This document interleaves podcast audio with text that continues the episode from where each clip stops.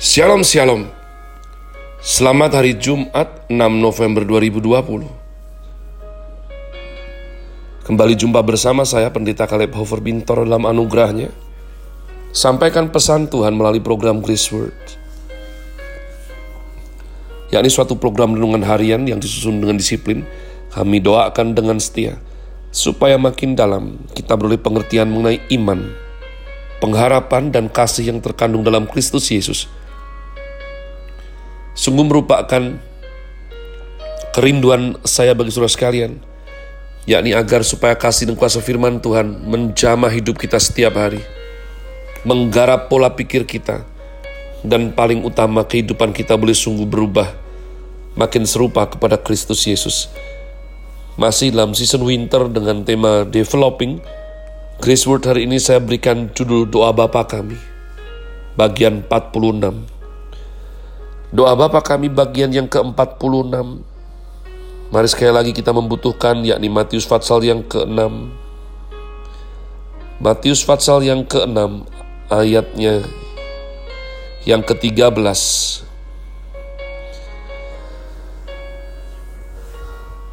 Janganlah membawa kami ke dalam pencobaan, tetapi lepaskanlah kami daripada yang jahat. Dan janganlah membawa kami ke dalam pencobaan, tapi lepaskanlah kami daripada yang jahat. Kita sudah bahas umat Tuhan topik mengenai ujian dan pencobaan, sifat motivasinya, dari mana berasal, maka janganlah membawa kami masuk dalam pencobaan adalah permasalahan ketiga hidup manusia di dunia ini. Kita membicarakan tiga hal tentang Tuhan. Namamu dikuduskan, kerajaanmu datang, kehendakmu jadi. Saya ulang, Bapa kami yang di sorga, dikuduskanlah namamu, satu. Datanglah kerajaanmu, dua. Jadilah kehendakmu, tiga. Angka tiga adalah angkanya Tuhan kita memulai doa Bapa kami dengan memandang kepada Bapa di sorga. Dan sesudah itu disambut dengan empat hal tentang manusia. Jadi umat Tuhan, ini adalah sesuatu yang sungguh-sungguh penting kita boleh mengerti. Manusia dicipta Tuhan di dalam status unik dan sebagai pribadi yang harus bertanggung jawab Tuhan menciptakan manusia yang unik, berbahaya. Dan statusnya berada di antara Allah dan setan. Allah berkata, marilah kita menciptakan manusia menurut peta teladan kita. Salah satu elemen peta teladan Allah yang berhubungan dengan ayat ini adalah kedaulatan. Tuhan Allah memiliki kedaulatan. Kedaulatan berarti kebebasan sepenuhnya ada pada diri Allah sendiri yang tidak pernah perlu ada desakan dari luar atau unsur pengaruh luar. Beliau sendiri yang menetapkan arah tujuan. Allah kita ialah Allah yang berdaulat dan mewahyukan bahwa Allah adalah satu-satunya yang bekerja secara sendiri. Allah demikian barulah bisa disebut Allah. Ya. Jadi Allah tidak butuh apa pun umat Tuhan. Allah adalah Allah maka ya Allah-Allah daripada berhala-berhala dunia ini itu membutuhkan tangan manusia. Tapi Allah yang sejati adalah yang menciptakan tangan manusia. Dan Allah yang sejati itu berkesanggupan membela dirinya sendiri. Kita yang mengakuinya sebagai anak tinggal perlu menjadi representatif of Christ Kingdom kita menjadi perwujudan manifestasi daripada Tuhan melalui hidup kita. Ada seorang pemikir teologi yang berkata bahwa kebebasan Allah itu tidak mutlak. Jika tidak mutlak, bolehkah disebut sebagai Allah? Pemikiran ini berargumen bahwa kebebasan Tuhan Allah tidak mutlak karena Allah tidak berdosa, tidak menyangkal diri, tidak bisa melakukan hal yang tidak baik, yang tidak suci, tidak berdasarkan kemurahan, dan tidak berdasarkan keadilan. Mungkinkah pikiran manusia menggabungkan kemuliaan kebebasan Allah dengan kondisi Allah yang tidak melawan semua kehendaknya sendiri? Jika Allah itu suci, adil, dan baik adanya, maka Allah tidak mungkin berbuat yang tidak suci, tidak adil, dan tidak baik. Jika demikian, Allah tidak berkemampuan dan berkebebasan berbuat yang tidak baik, maka umat Tuhan kita tidak perlu ya belajar sampai otakmu pusing lalu tidak lakukan apa-apa. Itulah sesuatu yang saya paling tidak suka sekali.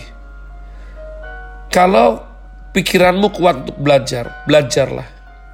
Tapi berjanjilah jangan terlalu sibuk belajar sampai tidak mengerjakan firman yang kamu pelajari atau memahaminya dengan keliru atau malah sok pintar, tidak karu-karuan. Maka saya rindu ma Tuhan untuk menggabungkan kedua konsep yang seolah-olah sulit tadi. Allah bebas, penuh dan mutlak tetapi kebebasan Allah yang mutlak sekaligus berkait dengan kerelaan Tuhan Allah menaklukkan hak kebebasannya ke bawah atribut moralnya. Dengan demikian, Allah bukan tidak terbatas, tetapi beliau sendiri rela mengikat diri. Itu yang paling tepat. Kalau Allah dalam kemahakuasaannya berinkarnasi, ya, maka firman Tuhan dalam Filipi pasal yang kedua berkata, Tuhan itu rela mengosongkan dirinya, mengambil rupa sebagai manusia menjadi hamba, mengosongkan dirinya. Karena jika tidak dengan demikian umat Allah, maka manusia tidak akan bisa membunuh, menyalibkan. Darah tidak mungkin keluar.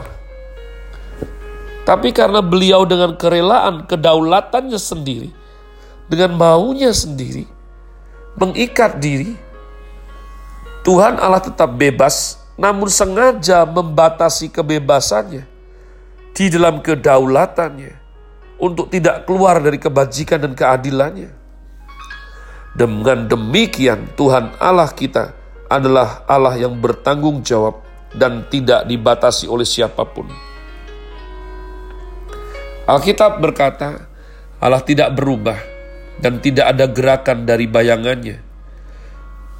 Di dalam bayangannya tidak ada goncangan atau pergeseran. Bayangan adalah perpanjangan garis antara cahaya dan keberadaan kita. Jika kita makin dekat dengan terang, terjadi perubahan bayangan.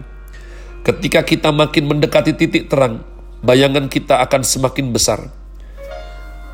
Maka hal ini memberikan suatu pelajaran kepada kita bahwa semakin dekat dengan Tuhan, ya, setan semakin giat bekerja. Semakin kita dekat dengan Tuhan, kegelapan akan semakin mengancam hidup kita. Sampai ketika sangat dekat dengan terang, saat itu kita menjadi penudung terang dan belakang kita, yaitu eksistensi dari ekspansi bayangan gelap tadi. Namun pada saat kita sudah begitu dekat sampai menyatu dengan terang itu. Mendadak bayangan gelap itu hilang dan semua menjadi terang benderang. Ketika kita berada di depan terang, bayangan itu kurus. Tetapi semakin dekat, bayangan itu menjadi semakin gemuk atau membesar. Ketika kita sudah dekat sekali, kita akan menudungi seluruh terang, maka gelap di belakang kita menjadi begitu besar, sampai seperti tak terhingga. Namun ketika kita melangkah mendekat lagi sampai bersatu dengan terang, gelap itu sama sekali hilang. Di situ terjadi kondisi zero distance, kondisi jarak nol, sehingga tidak ada bayangan. Jika saya bersatu dengan terang, menyatu dan tidak ada jarak, di situ saya, di situ terang, saya dan terang menjadi satu. Sekarang hal tersebut tidak mungkin terjadi. karena kita sedang melalui proses perjalanan umat tebusan, di mana kita belajar dan berjuang semakin dekat dengan Tuhan. Belum, belum bersatu dengan terang. Tapi Efesus 1 ayat yang sebelum dikatakan sampai akhirnya segala sesuatu akan bersatu di dalam Kristus. Inilah waktu di mana dunia kiamat dan kehendak Tuhan jadi. Pada saat dunia kiamat dan kehendak Tuhan. Jadi, semua yang ditebus, dipilih, diperanakan, dan diperbaharui bersatu dalam Kristus. Dan Kristus adalah Allah itu sendiri. Pada saat itulah kita baru mengerti apa artinya Allah itu terang. God is light. Di titik pusat terang, tidak mungkin kita bisa melihat bayangan apa pun. Karena bayangan itu ada akibat jarak antara eksistensi dan sumber terang. Jadi ketika firman Tuhan mengajarkan, aku di dalam engkau, engkau di dalam aku, maka seluruh kegelapan tadi akan hilang. Bahkan Tuhan Yesus pernah menekankan, jika terang datang, gelap harus pergi. Saya berdoa supaya engkau memahami prinsip ini dan bersuka cita berkemenangan hidup di dalamnya. Have a nice day. Tuhan Yesus memberkati saudara sekalian. Sola. Grazie.